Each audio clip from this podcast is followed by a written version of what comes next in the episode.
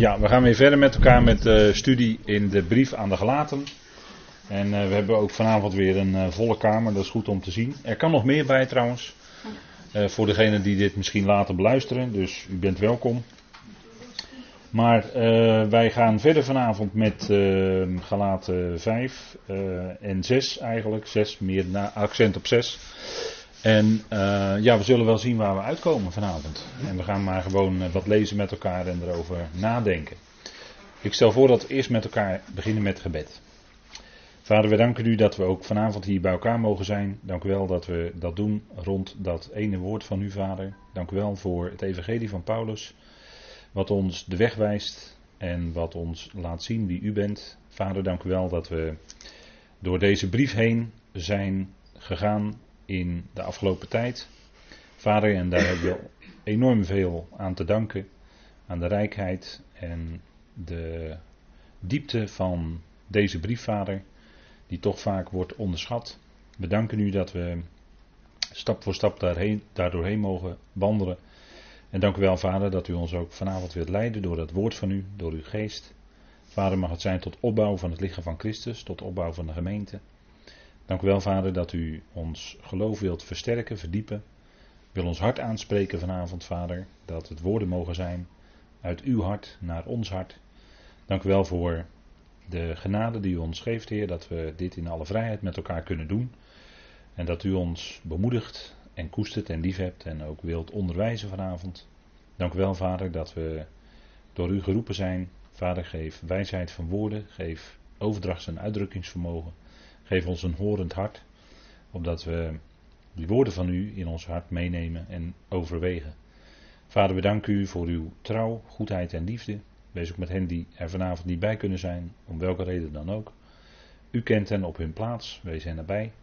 Dank u wel, Vader, dat we zo u mogen danken voor het grote en het vele en het goede wat u geeft. Wij danken u waarover en we prijzen u daarvoor. In de machtige naam van uw geliefde Zoon. Amen.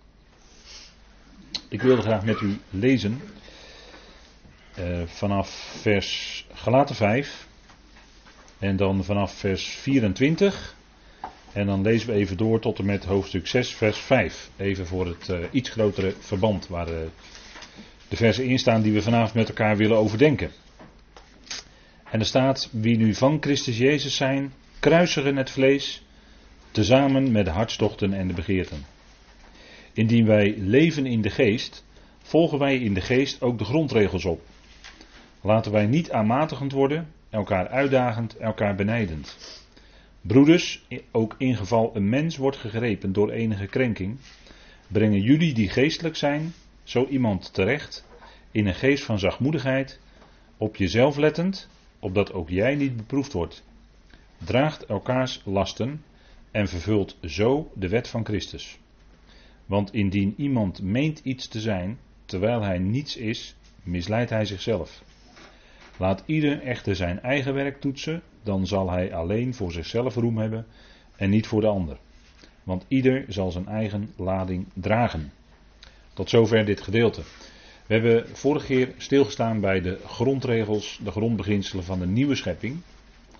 En eigenlijk is dat voor ons een uh, geweldige handreiking. Als wij ook vanavond nadenken over deze versen uit de Galatenbrief. Waarin een aantal facetten naar voren komen. Een belangrijk punt eigenlijk. Dat, wat Paulus noemt. En hoe je met datgene wat Paulus naar voren brengt omgaat vanuit de genade. En hoe je daarmee, hè, hoe men daar in de praktijk mee omgaat, dat is wel eens anders. Maar hoe we met elkaar omgaan vanuit de genade en in genade, dat is heel belangrijk. En dat is wat vanavond naar voren komt in deze verse. En wij uh, zijn gebleven eigenlijk bij vers 26. In vers 25 staan die grondbeginselen, die worden daar genoemd, hè? de grondbeginselen. En ik heb dat toen genoemd de grondbeginselen van de nieuwe schepping. En daarin hebben we een aantal met elkaar de revue laten passeren. Dat was niet uitputtend, want dan zou er nog veel meer te zeggen zijn. Maar de grondbeginselen van de nieuwe schepping. En u weet dat de nieuwe schepping essentieel beheerst wordt door geest. Door de geest van God. En in de nieuwe schepping gelden dus hele andere grondbeginselen dan in de oude. In de oude hebben we grondbeginselen zoals religie, daar heb ik de vorige keer op gewezen. En dat is zo totaal anders dan in de nieuwe schepping, waar er totaal, maar dan ook totaal geen sprake is van religie, maar juist het tegenovergestelde. Er is sprake van genade, van geest, van Gods leiding door de geest. En dan zegt de apostel hier in vers 26, laten wij niet aanmatigend worden, elkaar uitdagend, elkaar benijdend. En dat is dan de uitwerking van het evangelie. En dit is helemaal ook de toonzetting van de genade. Want Paulus zegt niet moeten. Als je een andere vertaling leest, en dat uh, viel mij afgelopen zondag op in het stukje wat gelezen werd uit 1 Korinthe 12. Daar werd voorgelezen vanuit de Bijbel in de gewone taal. En in dat korte stukje kwam er liefst zes keer het woordje moeten naar voren. Dus dan ziet u dat die toonzetting van zo'n vertaling eigenlijk heel wettisch is. Het is allemaal het moeten, het moeten, het moeten. En dat is niet de geest van het evangelie, want Paulus zegt hier ook, hij zegt hier niet, wij moeten niet aanmatigend worden, maar hij zegt, laten wij niet aanmatigend worden. En eigenlijk staat dit in de grondtekst, in de, wat, ja, als u Nederlands heeft gehad op school, dan weet u dat denk ik nog wel. Dat staat hier in de aanvoegende wijs. Weet u wat de aanvoegende wijs is? Dat is met zouden. In Duits noemen ze dat de conjunctief. En dat is met zouden. Hè? Dus dat is een, uh, niet echt een zware wenselijkheidsvorm, maar het is wel een vorm waarin hè, Paulus eigenlijk zegt: Nou, wij hebben dat vertaald met laten. Laten wij niet aanmatigend worden, elkaar uitdagend, elkaar benijdend. En dan ziet u al dat zelfs in gebruik van de werkwoordsvormen in het Grieks komt de genade naar voren. En dat is wat we heel goed moeten beseffen, omdat eh, niet zoals onder de wet kon, kan er in de genade niets opgelegd worden. Dat doen wij ook nooit. Dat kan ook niet. Wij kunnen elkaar niets opleggen. En daarom zegt Paulus op deze manier: laten we niet aanmatigend worden, elkaar uitdagend, elkaar benijdend. En wat betekent dat nu? Dat betekent, kijk, dat woord aanmatigen, dat uh, betekent in het Nederlands dat je iets, jezelf iets toedicht en op grond daarvan je ook zo gedraagt. En daarin uh, wil je je heel goed voordoen, maar het letterlijke woord vanuit het Grieks is eigenlijk lege heerlijkheid. Dus je, je toont je wel naar alle anderen toe alsof je een bepaalde heerlijkheid hebt, alsof jij bepaalde kwaliteiten hebt van jezelf, een stukje heerlijkheid. Maar Paulus zegt, als je dat doet vanuit jezelf, is dat leeg. En dit staat natuurlijk helemaal in het verband met de vrucht van de geest. Kijk, die vrucht van de geest, daar hebben we natuurlijk uitvoerig bij stilgestaan en dat was niet voor niets.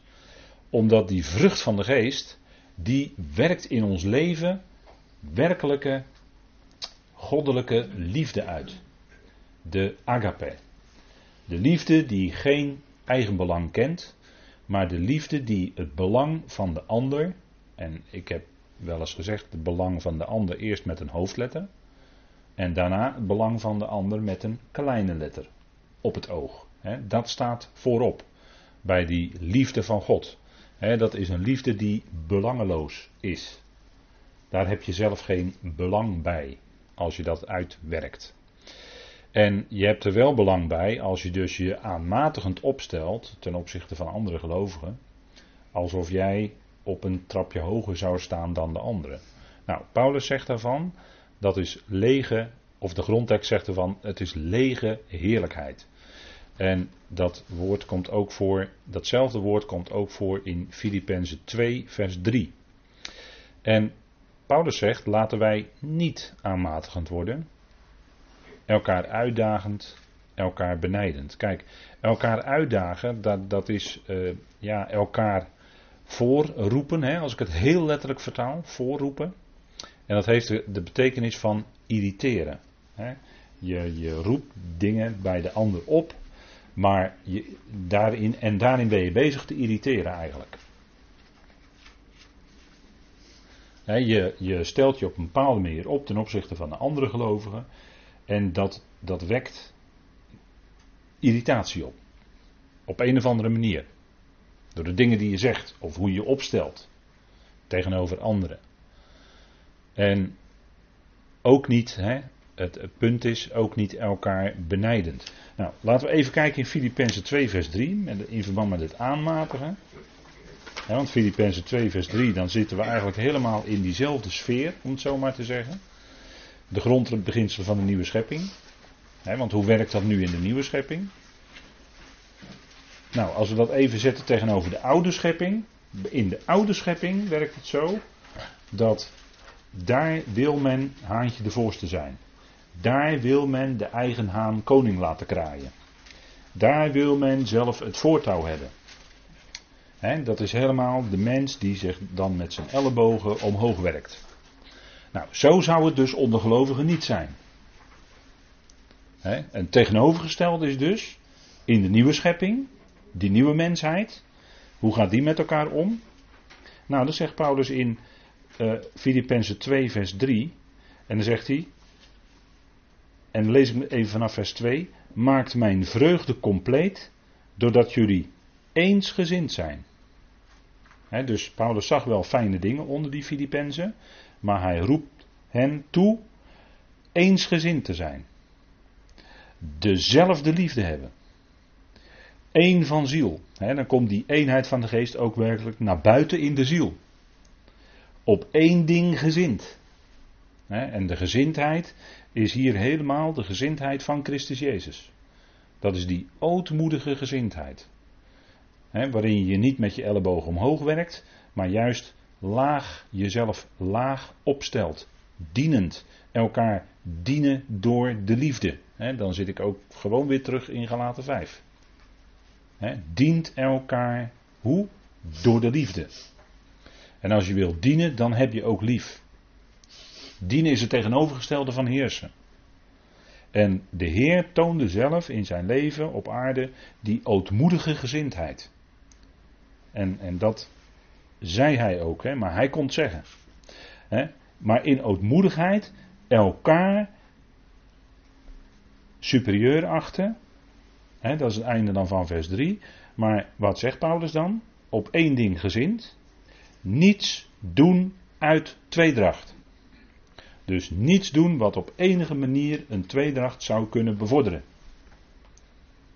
En tweedracht, denkt u maar aan de gemeente in Korinthe, daar hadden ze groepjes. Daar was sprake van tweedracht. Daar zei de een ik ben van Paulus, de ander zei ik ben van Apollos, de ander zei ik ben van Kefas, de ander zei ik ben van Christus. Daar waren groepjes en zij waren vleeselijk. Zij handelden naar de mens. Maar Paulus zegt hier, als we dus die uitwerking van het evangelie zien, hè, en zitten we hier aan de top, hè, voorkomenheidsbrieven, niets doen uit tweedracht. Maar die eenheid van de geest, die is er. En die uitleven met de band van de vrede. Als je die uitleeft, werkelijk in de praktijk, dan doe je niets uit tweedracht. Maar dan ben je altijd erop uit, in de praktijk, om die eenheid die er is te bevorderen. Die band van de vrede te houden. Nou, dat is denk ik duidelijk, hè? Heel praktisch gericht. Niets doen uit tweedracht of uit eigendunk. En dat eigendunk is eigenlijk hetzelfde woord als hier in onze tekst hier in Galaten het woord aanmatigend. Als je aanmatigend bent, dan heb je een eigen dunk, een bepaalde dunk over jezelf misschien. En dan uh, acht je jezelf kennelijk beter dan die ander. Dan stel je op alsof jij het dan allemaal wel beter zou doen dan al die anderen. zo op die manier. Dat heb je onder gelovigen hoor. Zulke gelovigen die, die, die zitten daartussen. Nou, Paulus die spreekt ons daardoor, de Heer spreekt ons daardoor aan door de apostel Paulus. En zegt hij, niets doen uit eigendunk. Maar ootmoedig. Een ootmoedige houding. En, en dat was de gezindheid die Christus Jezus zelf tentoonspreidde toen hij hier op aarde was. En wat betekent dat, hè, die ootmoedigheid, wat betekent dat? Dat je elkaar superieur acht aan jezelf. in de oudere vertaling staat dan de ander uitnemender achter dan jezelf. Nou, dat is ook een fijne vertaling. acht de ander uitnemender dan jijzelf. Dus dan heb je het weer, die ander voorop, die is uitnemender dan dat jij bent. En zo naar elkaar kijken. Zo elkaar aanzien in Christus. Daar gaat het vanavond om hoor, dat is een accent. Elkaar aanzien in Christus. Dat is anders dan elkaar kennen naar het vlees.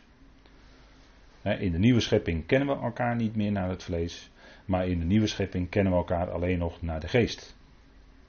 Geestelijk en kijken we naar elkaar in Christus, zien we de ander in Christus. En dat is uh, een ontwikkeling, dat is een groei. Daarin groeien we.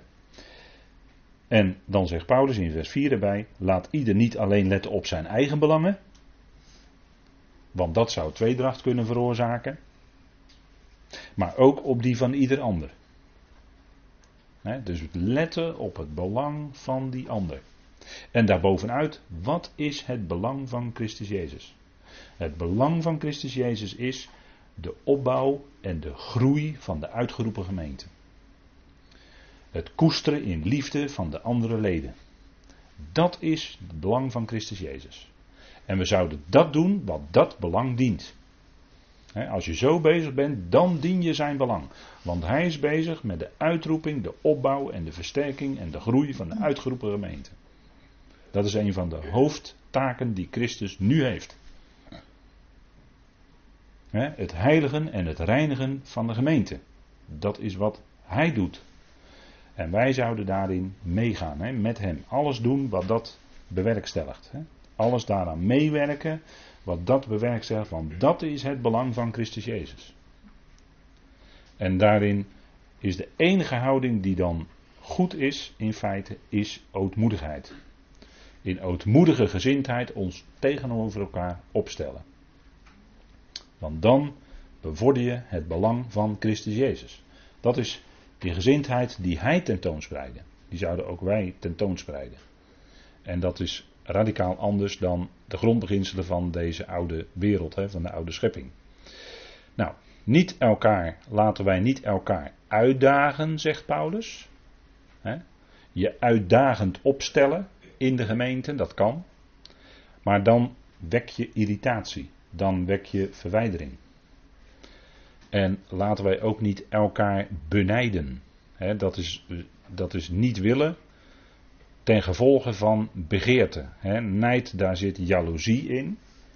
En daar kan heel goed achter zitten dat jij misschien de plek wil innemen die de ander heeft.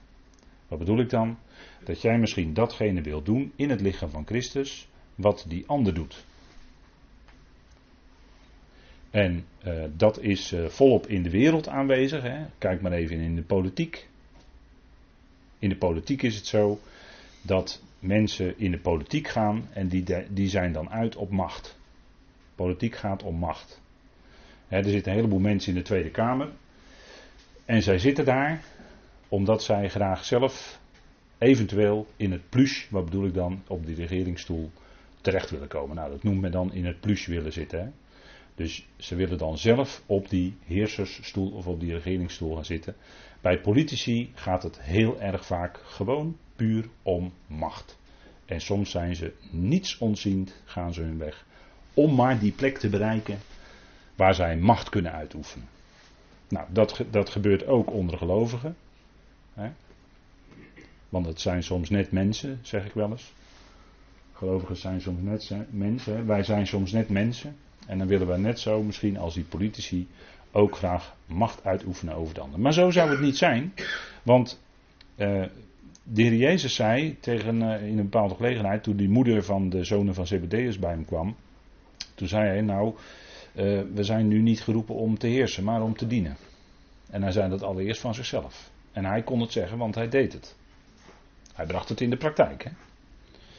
En hij zegt, heersers, die kunnen zomaar een slaaf roepen en die, die doet dan alles voor ze. Ze, hoeven maar, ze worden op een wenken bediend. Maar hij zegt, zo zal het bij jullie niet zijn. Uh, degene die jullie heer wil zijn, die zal eerst alle dienaar zijn. Of alle slaaf, zei hij zelfs.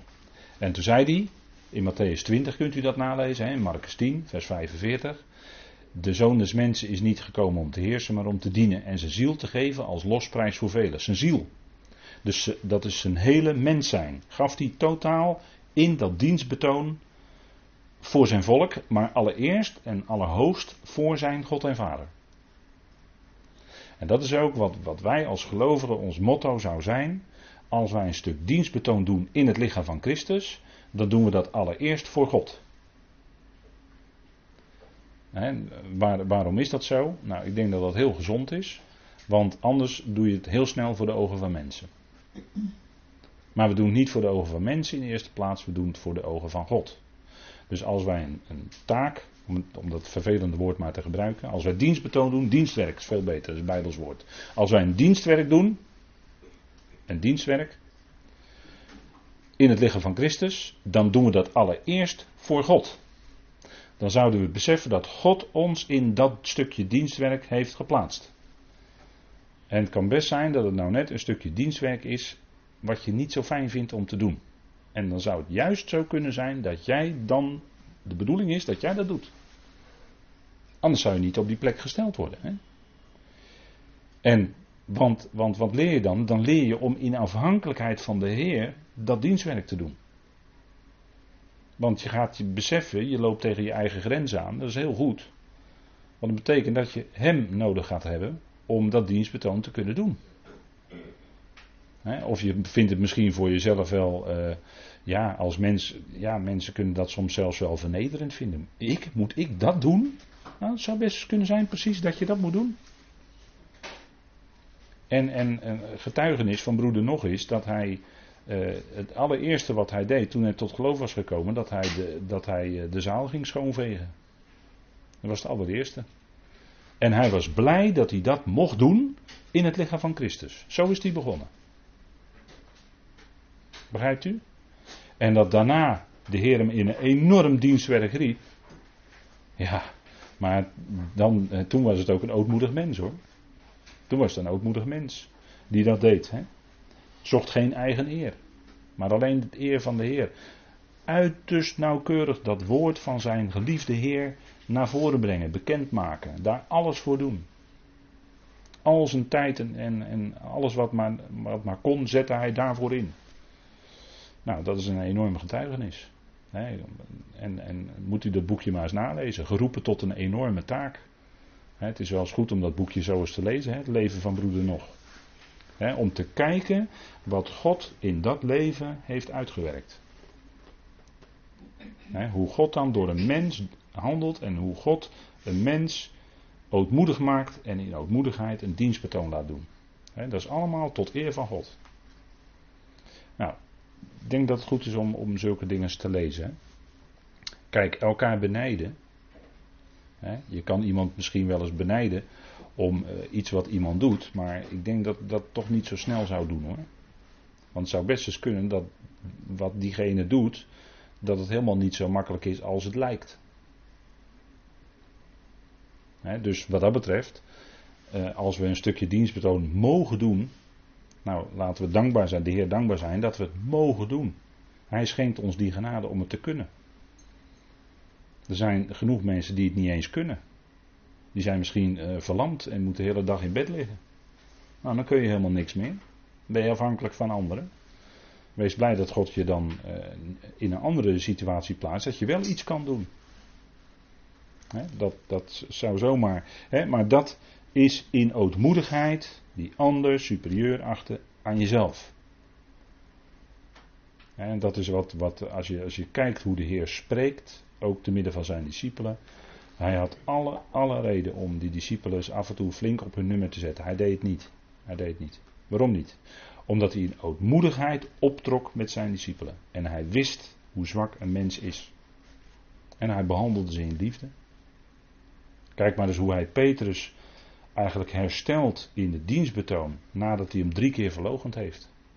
Kijk maar eens met hoeveel liefde en, en, en zachtmoedigheid hij Petrus terechtbrengt. En dan zit ik helemaal in het onderwerp van vanavond hoor. Hoe hij Petrus naar die krenking terechtbrengt. De Heer heeft het ons voorgedaan. Hè? Want 6 vers 1 gaat daarover. Hè? Indien iemand overvallen wordt hè, of gegrepen wordt in enige krenking, broeders, helpen jullie die geestelijk zijn, hem terecht in een geest van zachtmoedigheid. En wie heeft dat voorgedaan? De Heer heeft het voorgedaan met Petrus. Moet u maar eens nalezen in Johannes 21, hè, hoe de Heer dat doet. Nou, zo, hè, op die manier, in die ootmoedigheid, zo die broeder terechtbrengen. Nou, dat is ontroerend hoor om te lezen. Moet u maar eens doen. Nou, broeders, dan gaan we maar gauw vers 1 dan. 6 vers 1 hè. En, en natuurlijk, kijk, dat, dat 5 vers 25, wat we eerst hebben gelezen, of 5 vers 26, dat, dat staat daar natuurlijk niet voor niets. Hè? En ik ben er ook niet voor niets vanavond mee begonnen. Waarom niet? Nou, kijk, als jij aanmatigend bent, dan ga je boven die ander verheffen. En dan kun jij niet doen wat in 6 vers 1 staat. Althans, niet in die geest van zachtmoedigheid. Maar goed, we gaan, we gaan kijken. Hè? Hoe ga je nou daarmee om? Hè? Wat zegt Paulus dan?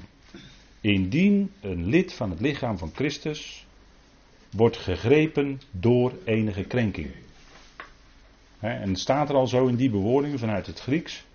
het, iemand is, is het als ware erdoor overvallen, zou je kunnen zeggen. Broeders, zegt hij dan in Galaten 6 vers 1, ook in geval, stel dat het geval zich voordoet dat een mens, een mens, en wordt hè, dat is nog heel algemeen gesteld. Je zou zelfs nog misschien kunnen denken aan uh, iemand die geen gelovig is. Maar goed, we, we, gaan, we beperken ons dan vanavond tot de gelovigen. Hè? Een mens, iemand in het lichaam van Christus, wordt gegrepen door enige krenking. Wat is een krenking? Een krenking is niet een zonde, want dan zou er een ander woord staan. Maar wat in het Grieks staat is uh, wat te maken heeft met ernaast vallen. Krenking. En wat is een krenking? Dat is iets wat de gevoelens verwondt.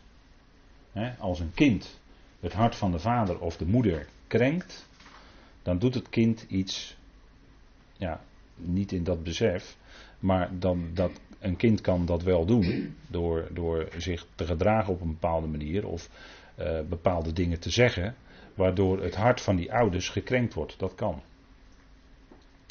dat kan gebeuren. En dat is heel pijnlijk als het gebeurt. Want daarmee verwondt dat kind de gevoelens van die ouders. die dat kind zo lang hebben, zoveel jaar al hebben gevoed en gekoesterd en grootgebracht en verzorgd en noem maar op. En dan kan een kind zich bij gelegenheid heel ondankbaar gedragen. Je hebt misschien allemaal wel eens uh, kinderen gehad in de puberteit. Nou, dan weet u wel wat dat betekent. En dat kan, kan soms heel rake klappen kunnen dat zijn. Dus een krenking is dat wat de gevoelens verwondt. En dat gebeurde ook in de hof. In de hof. Toen Adam en Eva zondigden, was het niet alleen een zonde. Zij, zij misten hun doel. Maar het was ook een overtreding. Zij overtraden daarmee dat wat God gezegd had. God had gezegd: Je mag van alle bomen vrij eten in de hof. Alleen van die ene boom, van kennis van goed en kwaad. Daarvan mag je niet eten. Ze mochten wel aanraken, ze mochten die vrucht wel aanraken, maar niet eten. Dus en dat was, het, dat was wat God gezegd had. Nou, zij overtraden dat door toch te eten. En nou, de eerste slang had wat verwarring gezaaid, weet u wel. Hebben we wel eens vaker over gehad die oude slang was eigenlijk een nagas hoor. Maar, maar goed, laten we zeggen dat het een slang was die beïnvloed werd door die geest. Die zei de verwarring. En de mens zondigde. Maar het was ook een overtreding. Het was ook een overtreding van dat wat God gezegd had. God had een lijn getrokken en daar gingen ze overheen. Daar stapten ze overheen. Hè? Dat is overtreding. dan treed je over die lijn. En het was ook een krenking. Waarom? Want Paulus schrijft er zo over in Romeinen 5. Dat het een krenking was wat Adam en Eva deden. Een krenking, dat gaat verder. Een krenking is niet alleen het overtreden van een streep, maar is ook iets wat de gevoelens verwondt. Want daarmee, met dat eten van die boom van kennis, trokken Adam en Eva in feite in twijfel de zorg en de goedheid van God. Het vaderhart. Zonder het te weten verwonden zij het vaderhart van God. Zij kenden hem niet, niet als zodanig, ze spraken hem waarschijnlijk niet zodanig aan als vader. Maar hij was wel hun vader. En zij verwonden dat hart. En wat, wat was nou de reactie van God daarop? Nou, dat zij in ieder geval eh, zouden moeten sterven uiteindelijk. Zij moeten uiteindelijk doodgaan. Als gevolg van die krenking. Maar God had natuurlijk al lang op het oog dat er één zou komen, de laatste Adam, die de gevolgen van die ene krenking ver zou overtreffen, door alles niet alleen weer goed te maken, maar zelfs overstromende genade te bewerkstelligen door zijn dood en opstanding. Dat had God natuurlijk al lang op het oog. Want God weet alles tevoren.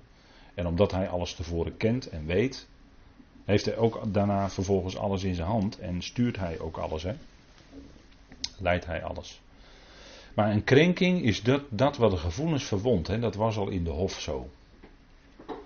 En Romeinen 11, die heb ik op deze dia dan erbij aangehaald. Hè? Israëls krenking is rijkdom voor de wereld. En wat is nu Israëls krenking? Als ik dat aan u vraag, wat zegt u dan? Wat is Israëls krenking? Waarin hebben zij gekrenkt? Aan Door de Messias te kruisigen, hè? hun Messias te kruisigen. Dat was hun krenking. Dat was de ergste, het ergste wat ze konden doen en ze deden het. Onder leiding van het Sanhedrin.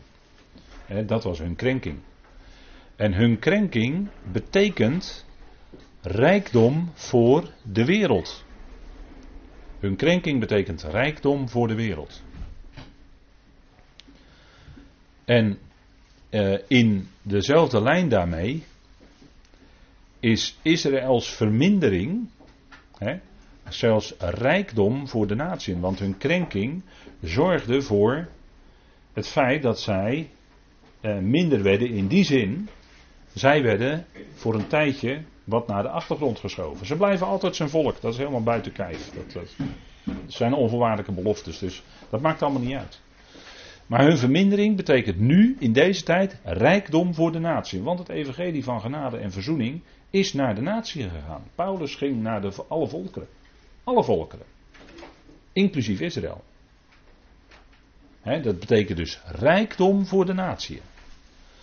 Dus dan ziet u dat hoe God dan door een krenking heen, dus een punt, hè, dat is een punt, hè, door kwaad heen, want Israëls krenking was ook een enorm kwaad wat gebeurde. De zondeloze werd gekruisigd. Dus volkomen ten onrechte. Het was een enorm kwaad wat gebeurde, die krenking. Maar God bewerkt door die krenking heen, en er staat hier Israëls krenking, rijkdom voor de wereld. Dus door die krenking heen Rijkdom. Israëls vermindering. Rijkdom voor de natie. Dankzij het werk van de Messias. En daar zou natuurlijk nog veel meer over te zeggen zijn.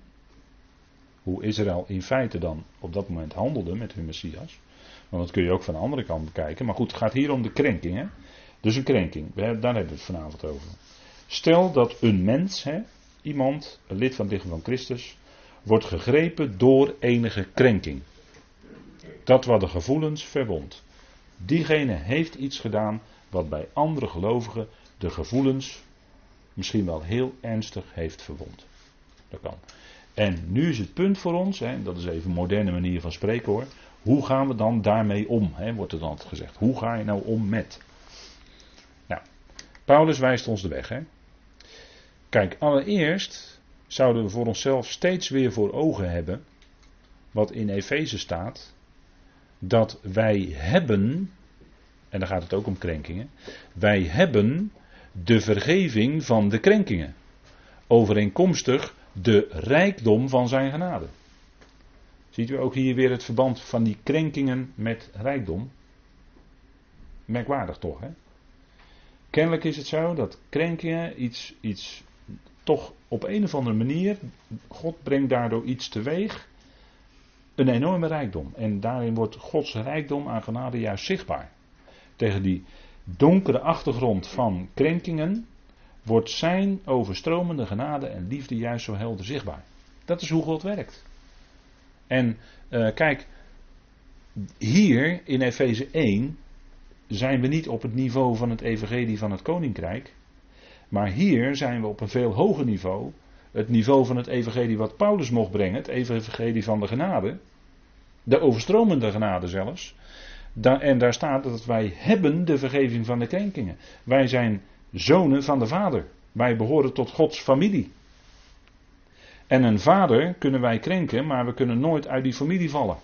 Waarom niet? Nou, we zijn toch lid van de familie? Als jij een gezin hebt, dan kan je toch nooit jouw kind uit jouw gezin stoten? Dat blijft toch altijd je kind? Hoe dan ook. en het afschuwelijke gebeurt wel eens dat ouders inderdaad in de praktijk hun kinderen wel eens verstoten. Dat is afschuwelijk zoiets. Maar het blijven altijd hun kinderen. Dat kan je nooit ongedaan maken. Die bloedband die blijft altijd.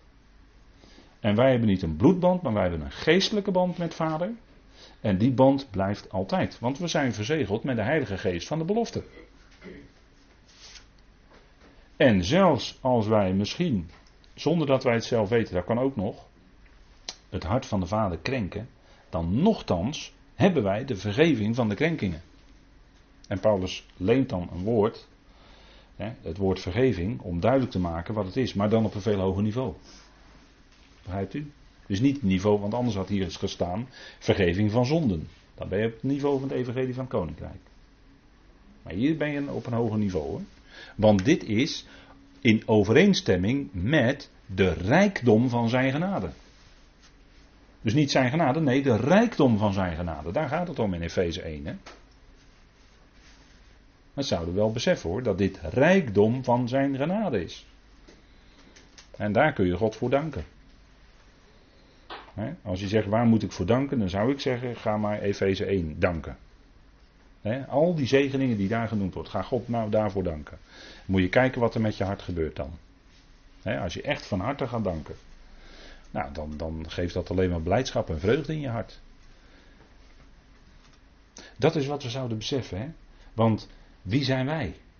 Kijk, als een mens, in geval een mens, wordt gegrepen door enige krenking dan zouden wij als medegelovigen beseffen, ja, maar ik had het ook kunnen zijn. Of die ander. Maar nu heeft die een dat gedaan. Wacht even. Je kunt je niet verheffen boven die ander, want dan ben je aanmatigend. En je kunt ook niet met, want je kunt je ook niet veroordelend opstellen tegenover zo iemand, want dan ben je bezig met de wet. En we zijn bezig met een gelaten brief, wet of genade. Hoe is het nou onder de wet? De wet is een bediening van de veroordeling. 2 Korinthe 3. Ik citeer hoor. Zijn niet mijn woorden. Een bediening van veroordeling. Een bediening van de dood. Dat is de wet. De wet veroordeelt. De wet wijst met de vinger aan. Kunnen wij niet naar elkaar? Waarom niet? Kun je zeggen op zijn, eh, op zijn Rotterdams kun je zeggen, ja, dan wijzen de drie vingers naar jezelf terug. Kun je natuurlijk zeggen, hè? Maar het punt is dat wij niet met de wet in de hand zijn, maar wij staan allemaal in genade. We staan allemaal op diezelfde grond. En op het moment dat jij de ander gaat veroordelen, stel je aanmatigend op. Broeders, laten wij niet aanmatigend zijn, zegt Paulus eerst. Inleiding op dit vers, hè. Op het moment dat je de ander gaat aanwijzen, gaat veroordelen met jouw vinger, dan stel jij je aanmatigend op. En dat kunnen we niet. Want wat hebben we? Genade. En dat is heel rijk. Dat is niet tolerant zijn. Dat is niet zomaar iedereen. Hè? Dat is niet zomaar alles, eh, alles, eh, alles eh, toelaten. Daar gaat het helemaal niet om. Nee, want de genade in het evangelie is ook altijd tegenover de zonde. Paulus spreekt over de genade nooit als iets dat de zonde tolereert. Maar genade is altijd tegen de zonde. Werkt tegen de zonde in. God toont ons de, de, de rijkdom van zijn genade. En hier, in geval een mens wordt gegrepen door enige krenking. En dan zegt Paulus: brengen jullie die geestelijk zijn, zo iemand terecht. Dit is dus heel anders dan veroordelen. Hè? Onder de wet zou het veroordelend werken en zou zo iemand uit de groep gestoten worden. Onverbiddelijk. Mag niet meer in. Weg. Dat is onder de wet. Maar wat zegt Paulus hier? Brengen jullie die geestelijk zijn, zo iemand terecht. Die ander dus helpen. Dat is overeenkomstig de genade. Kijk, en wat is nu geestelijk? Wanneer is iemand geestelijk? Hè? Want hij heeft over jullie die geestelijk zijn. Kijk, als je in deze situatie vleeselijk zou handelen ten opzichte van die ander, dan zou je een veroordelende houding aannemen en die ander van je wegduwen. Dan neem je veroordelende houding aan. Ben je vleeselijk. Maar Paulus zegt, jullie die geestelijk zijn. Wanneer ben je geestelijk? Dat is wanneer je handelen wil overeenkomstig de geest van het evangelie. Wanneer je leven wil naar het evangelie, in de praktijk, leven naar het evangelie. En uit bent op het belang van Christus Jezus. Ik noem even maar een paar punten. Hè. Handelt en wandelt overeenkomstig, en dan refereer ik aan de vorige keer, handelt en wandelt overeenkomstig de grondbeginselen van de nieuwe schepping. En geestelijk is iemand die dus de kwaliteiten van de geest heeft. Wat is de kwaliteiten van de geest? Nou, de vrucht van de geest. Liefde, vreugde, vrede. Iemand die krenkt daarmee geduld hebben. Geduld, vrucht van de geest. Zachtmoedigheid, Paulus noemt er hier ook een in dit vers. Een geest van zachtmoedigheid, dat is ook een, vrucht, een stukje vrucht van de geest. Nou, zo met die ander omgaan. In 1 Korinthe 2, vers 13 en 14 noemt Paulus ook geestelijke mensen. Laat me even met elkaar opzoeken. Want we hebben echt geen haast hoor.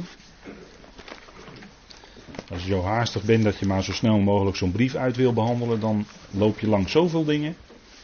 We hebben gewoon helemaal geen haast. We hebben tot, de tijd tot aan de bazuin, dus uh, alle tijd voorlopig nog. Hè? Nou, 1 Korinthe 2.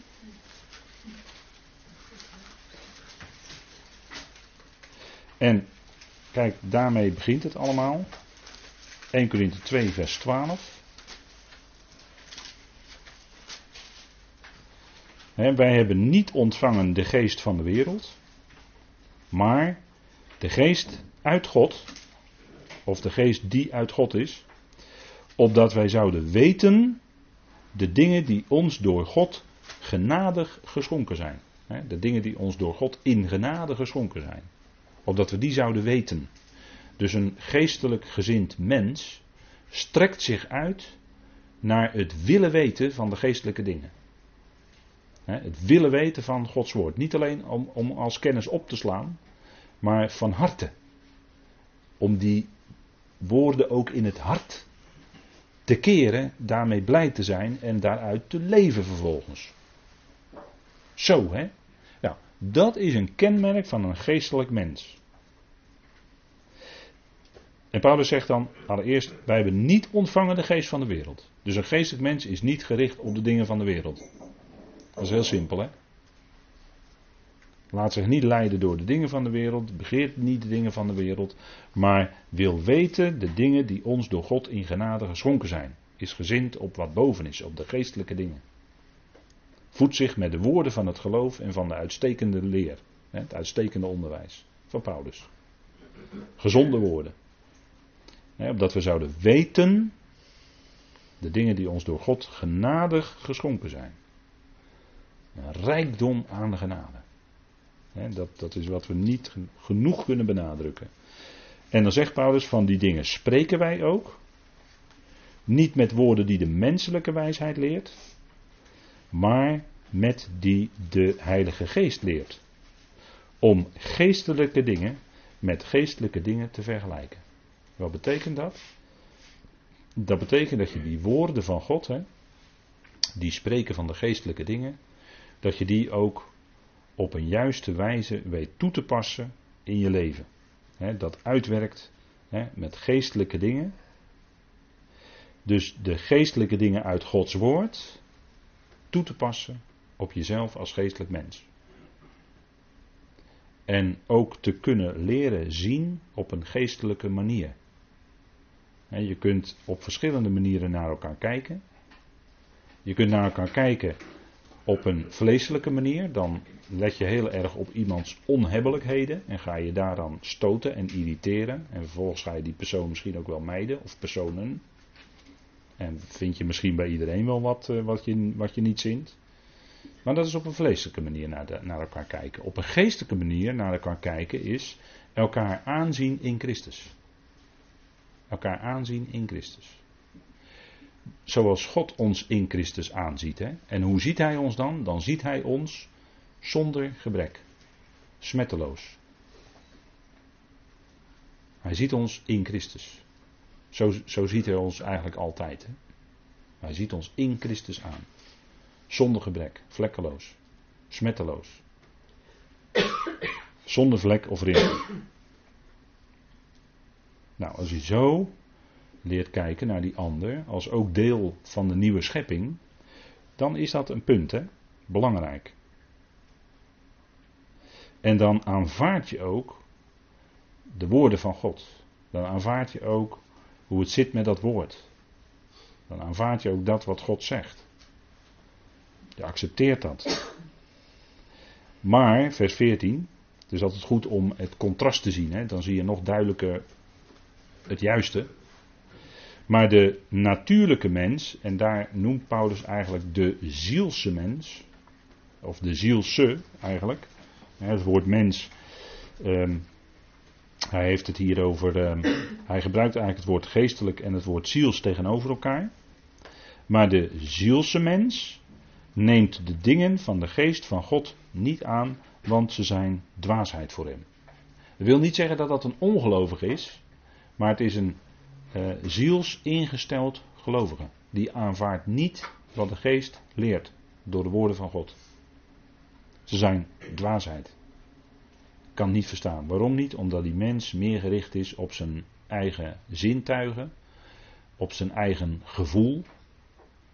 En daarom uh, uh, is het altijd lastig als je in een, in, in, in een groepsverband, hè, ja, sommigen die vinden dat beter of die hebben daar wat aan, ja, dat zou kunnen. Uh, maar in groepsverband, mijn ervaring is, laat ik het dan zo zeggen, van 30, ruim 30 jaar geleden is, in groepsverband met elkaar spreken is dat men dan elkaar gaat zeggen wat men denkt en wat men voelt en wat men vindt en mijn ervaring was, maar goed, dat is mijn ervaring, was dat ik daarmee niet verder kwam. Daarmee kom je niet verder. Althans, nogmaals, was mijn ervaring. Waar ik persoonlijk wel verder door ben gekomen, is horen naar het woord. En dan gewoon eenvoudig luisteren naar anderen die door God geroepen zijn en die dat woord goed konden uitleggen en toepassen. Daar heb ik veel van geleerd. Dat werkt bij mij zeer opbouwend. En ja, goed, zo, zo werkt het bij mij persoonlijk dan. Dat is wat ik kan getuigen. En denk dat als je de Bijbel leest, dat het toch zeker ook een onderdeel kan zijn van het leven van een gelovige. Dat je hoort naar de woorden van het geloof en van, de uitstekende, van het uitstekende onderwijs. Ik denk dat dat toch iets is wat, wat je toch denk ik nodig hebt om door opgebouwd te worden, om tot geestelijke groei te kunnen komen. Want dan kun je leren van iemand anders die gerijpt is in het geloof, geestelijke mensen, hè, die dat ook op een goede wijze kunnen overbrengen. Daar heb ik veel van geleerd. En eh, dat is denk ik belangrijk. Hè? Kijk, die zielse mens, die stelt toch onwillekeurig de eigen gevoelens, de eigen gedachten, de eigen ervaringen misschien op de voorgrond ten koste van datgene wat in dat leven ook zou moeten klinken. Dat is wat God zegt. En het punt is, zolang dat bij een mens, en natuurlijk God geeft de groei en je kunt elkaar daar niet op aankijken. God geeft de groei, nogmaals. Ehm, maar Paulus zegt hier in vers 14, hij kan ze ook niet leren kennen omdat ze geestelijk beoordeeld worden. zolang je eh, vol bent van je eigen visie, van je eigen gevoelens, van je eigen gedachten, dan, dan staat dat toch op een of andere manier kennelijk in de weg om verder te komen. Om de dingen geestelijk te kunnen beoordelen. Want Paulus zegt ook in vers 15, en ik denk toch dat Paulus daar, dat kon weten. De geestelijke mens beoordeelt wel alle dingen. Zelf echter wordt hij door niemand beoordeeld. Want wie heeft de gedachten van de Heer gekend, dat hij hem zal onderrichten? Maar wij hebben de denkzin van Christus. Wij hebben de denkzin van Christus. We hebben die geest van Christus ontvangen. En daardoor wordt onze denkzin gevormd. En, en als het goed is, geestelijk. Zodat er de denkzin in van, is van Christus. Zodat wij op zijn manier gaan denken. Hoe hij denkt, dat wij ook zo gaan denken. En, en hoe hij dacht en handelde, dat kun je zien toen hij op aarde was met zijn discipelen. Hoe hij met zijn discipelen omging. Hoe hij met Petrus omging. En we hebben het hier over een krenking. Nou, in, en in wat voor een zachtmoedigheid en een liefde bracht hij Petrus weer terug in de dienst. Onvoorstelbaar. Nou, mensen kunnen ook vleeselijk zijn. Dat lezen we nog heel even verder in 1 Korinthe 3. En er staat: En ik, broeders, kon tot jullie niet spreken als tot mensen die geestelijk zijn, maar als tot mensen die vleeselijk zijn. Als tot jonge kinderen of tot onmondigen in Christus. De Corinthiërs, veel Corinthiërs waren nog onmondig. Ze waren wel in Christus, maar ze waren nog onmondig in Christus. Ze toonden nog geen enkel puntje van volwassenheid in het geloof. Ik heb jullie melk gevoed, zegt Paulus, en niet vast voedsel, want dat konden jullie nog niet verdragen. Ja, dat kunnen jullie ook nu nog niet, want jullie zijn nog vleeselijk. hun instelling was nog vleeselijk, gericht op het menselijke, gericht op het zichtbare, gericht vaak ook nog op zichzelf. Ze waren bezig met hun eigen groepen. ze waren op zichzelf gericht in plaats van het belang van Christus Jezus voor het oog. zo, op die manier. Nou, even dit voor het verschil tussen geestelijk, ziels, vleeselijk. dat zijn toch facetten die we zouden moeten weten. En dan in Judas, vers 19 is ook een bekende tekst, hè, dat een zielsmens. Maar dat is dan Judas, dus dat is even toch een andere brief. Wil toch even met u opzoeken. Judas. En dan vers 18 en 19. Judas, een klein briefje vlak voor het Bijbelboek Openbaring. Maar de naam zegt het al, hè, Juda, Judas. Dat is uh, gericht aan het volk, aan Israël. Maar niettemin is alles ons tot voorbeeld geschreven.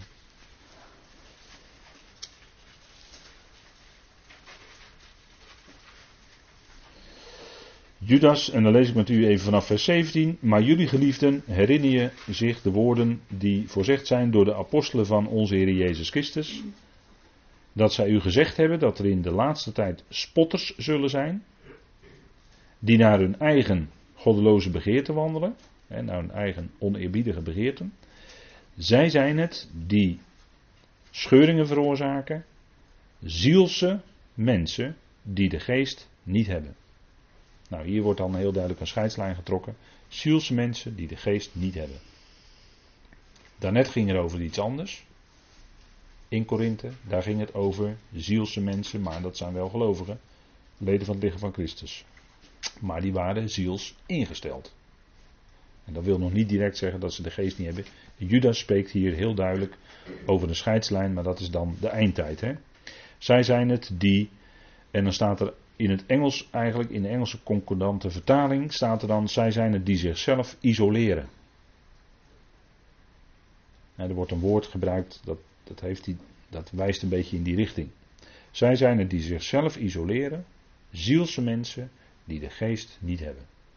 Nou, dat is hè, even goed om voor uw besef. Hè, het verschil tussen ziels en geestelijk. Zielse emotie speelt in heel veel samenkomsten vandaag de dag een vrij grote rol. Al dan niet uh, door muziek enzovoort enzovoort. maar dat is allemaal zielse emotie. dat wordt dan uh, vaak uh, heel lang wordt dat gedaan. Praise en aanbidding en noem alles maar op. En dan op een bepaalde manier in de muziek getoond zet. Nou, ik ga daar verder niet te diep op in. Maar dat is allemaal nog in de ziel. Als het goed is, komt daarna een spreker. En die spreekt, als het goed is, echt vanuit het woord van God. En dan gaat het om de geest. Dan gaat het om de geestelijke dingen. En dat, dat is wel een verschil. Hè? Dat moet je goed beseffen. Nou goed, even daarover. Hè? Nou, gaan we verder. Broeders, in geval een mens wordt gegrepen door of in enige krenking, brengen jullie die geestelijk zijn zo iemand terecht. Dus het gaat om terechtbrengen. En het woord terechtbrengen, dat heeft te maken met aanpassen. dat is hetzelfde woord wat ook in Efeze 4 wordt gebruikt. Misschien is dat even goed als, als vergelijking. Nee, in Efeze 4. Dat woord terechtbrengen. Dat wordt gebruikt in vers 12, Efeze 4, vers 12. En er staat dat God een aantal gaven geeft in de gemeente. En dat is, vers 12, tot aanpassing van de heiligen. Nou, dat woord aanpassing, dat is in het Grieks vrijwel hetzelfde begrip als hier in Galaten 6, vers 1, het terechtbrengen. Dus het heeft te maken met aanpassen. En als een, eh, en als een visser zijn netten kapot zijn, dan gaat hij die netten, hoe noemen ze dat? Boete, geloof ik. Is dat de vakterm? Nette boete, de netten weer herstellen. Nou, dat woord netten herstellen, in het Nieuwe Testament wordt hetzelfde woord gebruikt. Als een net van een visser kapot is gegaan en hij gaat dat net repareren, gaat hij weer aanpassen, zodat het weer al die vissen in kan houden. Dat woord aanpassen van die netten wordt ook gebruikt hier voor ons als gelovigen. En het wordt hier ook gebruikt voor terechtbrengen. Zo, hè? Nou, dus terechtbrengen. Wij, die geestelijk zijn, zouden iemand helpen. Helpen. Dat is niet iemand veroordelen, dat is iemand helpen. Het contrast is duidelijk, hè? Kijk, en hoe, als het nou gaat om ons, hè? Wanneer wij dat vaderhart krenken. Wat doet God dan? Wat doet God dan? Nou, we hebben al gezien in Efeze 1, vers 7. Wij hebben de vergeving van de krenkingen. En wat zegt God in Colossense 2? Vers, eh, Colossense 3, vers 12 en 13. Of Colossense 2 is het, sorry. Staat verkeerd op de dia. Colossense 2. Dat God schenkt ons genade voor alle krenkingen. Alle krenkingen? Hoor ik, hoor ik u misschien zeggen? Alle? Ja, dat staat echt alle. Ja. Laat het maar even opzoeken dan. Hè. En dan gaat het. Hè, dat wordt natuurlijk genoemd hier in Colossense 2 in verband met het kruis. Want vergist u zich niet. Hè, nadat in Galaten 5 ook nadrukkelijk het kruis heeft geklonken. Zal ook, zullen we nog tegenkomen in Galaten 6, ook het kruis weer klinken. Dat komt steeds nadrukkelijk naar voren hoor. In de gelaten brief. Maar ook hier in Colossens. Hè? Wat we nu lezen wordt gezegd in verband met de werking van het kruis. En er staat gezamenlijk, vers 12, de besnijdenis van Christus wordt hier genoemd. Niet de besnijdenis van Jezus, maar de besnijdenis van Christus. Ja? Gezamenlijk met hem begraven zijnd in de doop. Dat is zijn dood. Dat is niet zijn doop in water die hier bedoeld wordt, maar dat is zijn doop in de dood. Want dat was ook een doop. Althans, dat zei hij zelf. Ja, Lucas 12. zijn dood was ook zijn doop. En er was de doop in water een type van. Maar waar het hier om gaat, is de werkelijkheid is niet het type, maar is de werkelijkheid zelf, is het echte. Zijn doop in de dood. En we zijn gezamenlijk met hem begraven in de doop. En in hem ook werden jullie gezamenlijk opgewekt. Het is binnenkort Pasen, nou dan kun je ook hier aan denken. Hè? Maar ik, ik, hoop dat u het hele jaar denkt aan de opstanding van Christus. Ik hoop het wel. door het geloof in de werkzaamheid van God. Die hem opwekt uit de doden. En dan zegt hij ook jullie die dood zijn voor de krenkingen en de voorheid van jullie vlees. Hij maakt ons gezamenlijk levend met hem. Ons genade schenkend voor alle krenkingen. En dat, dat is een feit hè. Staat hier in de aorist, u kunt het zo in de concordante tekst, ziet u dat. Dan ziet u een klein liggend streepje ervoor staan, voor dat schenkend. En dat betekent dat het in de aorist staat, dat het dus een feit is. Met andere woorden, het was tien jaar geleden waar in uw leven. Het is vandaag waar en over tien jaar is het nog waar. Maakt niet uit, hè. En hij staat hier dus, hè. God schenkt ons genade voor alle krenkingen. Zijn er uitzonderingen bij? Nee, alle krenkingen. Hij schenkt ons genade voor alle krenkingen. Nou, als dan iemand een krenking heeft begaan die zodanig uitwerkt dat het het hart verwondt van u en mij, van medebroeders en zusters, hoe zouden we dan handelen? Met dit in het achterhoofd. Dat God genade schenkt. En wat, wat zouden wij dan doen? Nou, genade schenken natuurlijk. Dat kan toch niet anders? ja, dat kan niet anders, hè? Genade schenken. Nou, goed. Gaan we terug naar onze tekst, hè? Galaten 6. Dit zouden wij beseffen, hè? Diegene is het overkomen. Maar besef heel goed, u had het ook overkomen, mij had het ook kunnen overkomen. Maar het is nu iemand anders geweest. En wij die geestelijk zijn, kijk als, als het goed is zo tegenaan. Wij zouden dan alles doen om die ander terecht te helpen, aan te passen. Brengen jullie die geestelijk zijn, zo iemand, nou ik heb dit al gezegd, hè, terechtbrengen is aanpassen of helpen. Hoe? In zachtmoedigheid. Want het maakt je zachtmoedig, de geest maakt je zachtmoedig van binnen, als je beseft, ja maar jij had het ook kunnen zijn. u had het kunnen zijn, ik had het kunnen zijn. Iedereen dat liggen van Christus had kunnen zijn. Maar nou is die ene. En wat zouden we dan doen? Terechtbrengen. Tegenover wettisch veroordelend. Ja? Dus zo met elkaar daarin omgaan. Hè? Besef wie je bent. Hè? Besef wie je in jezelf bent. Je bent gered. God heeft je gered hè, door zijn geest. God heeft je zonden weggedaan op het hout met Christus. Hij heeft alles gedragen. Dat is de diepe uitwerking van het kruis. Hè? Wordt soms dan heel makkelijk gezegd, ja, Jezus is voor mijn zonden gestorven aan het kruis. Hè? Hoor je dan wel eens iemand zeggen. Ja, dan denk ik van, ja, dat zeg je toch een beetje makkelijk. Besef je wel de rijkwijde ervan? Besef je wel iets van die diepte waar de zoon doorheen is gegaan, die diepte van het lijden? Besef je daar wel eens iets van? Om zo de zonde van de wereld te dragen. Zie het lam van God dat de zonde van de wereld wegneemt, zegt Johannes. Hè? Oh, wat een geweldige liefde zit daarachter. Hè? Wat is dat diepgaand? Als je dat iets van beseft. Hè? En wat is dat diepgaand als je iets beseft van wie jij zelf bent in het licht van het kruis? als je daar bent geweest, als je dat eenmaal geestelijk hebt kunnen zien, dat God je dat gegeven heeft, dat je dat zo ziet. Oh, dan verhef je niet meer boven een ander hoor. Absoluut niet.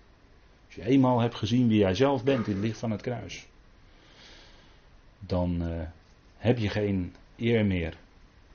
Maar dan wil je alleen maar zijn tot eer van Hem, die je zo heeft liefgehad, die je zo lief heeft, die zo diep is gegaan voor jou, voor mij, voor iedereen wat, wat een ongelofelijke liefde zit daarachter. Wat een diepte. wat een heerlijkheid. zo is God. Die heeft dat allemaal uitgewerkt door zijn zoon. dan, dan, dan matig je je niets meer aan hoor. Maar dan besef je in ootmoedigheid wie je zelf in jezelf bent. Je hebt niets te vertellen. Je hebt alles te danken aan zijn genade, aan zijn liefde, aan zijn grootheid, aan zijn heerlijkheid. Je hebt alles te danken aan hem. Alles. Het feit dat u hier zit, dat wij hier zitten, hebben we allemaal aan hem te danken hoor. Niet omdat u nou zo goed bent geweest om thuis uit uw stoel te komen en hierheen te komen hoor. Nee, dat heeft hij bewerkt. Dat is het. En dat is allemaal van hem. En dan matig je er niets meer aan. Maar dan zul je in ootmoedigheid die ander willen terechtbrengen, willen helpen. Nou. Want jij die meent te staan, zegt Paulus al in 1 Korinthe 10, hè, zie toe dat je niet valt. Hè? Jij die meent te staan, kijk uit dat je zelf niet valt. Begrijpt u? En zo kun je dan in ootmoedigheid naar die ander kijken. En als die ander een krenking begaan heeft, kun je ook in ootmoedigheid die ander terecht helpen. Terecht helpen hè, op, een, op een goede, op een gezonde manier in het lichaam van Christus. Nou, laten we maar even pauzeren, dan kunnen we even hierover nadenken bij een kop koffie.